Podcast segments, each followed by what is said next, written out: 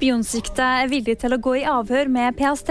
Tiltalte etter Nav-drapet erkjenner straffskyld, og flere eksplosjoner i ukrainske byer. Den spionsikta mannen er villig til å gå i avhør med PST. Det opplyser mannens forsvarer Mariana Lussik til Aftenposten. Avhøret vil trolig skje mandag eller tirsdag. José Asis Giamara ble pågrepet fredag og er sikta for spionasje i Norge. PST mener den brasilianske gjesteforskeren er en russisk statsborger, som i realiteten heter Mikhail Valjerovic Miskuin, og er i Norge på oppdrag fra russisk etterretning.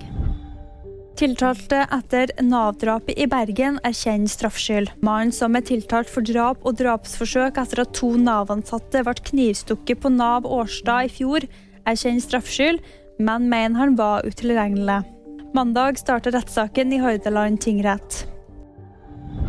Mandag morgen melder flere ordførere i Ukraina om eksplosjoner i hovedstaden Kyiv og flere andre ukrainske byer. Ordførerne i Zaporizjzja og Kharkiv melder om skade på anlegg i byene og strømbrudd.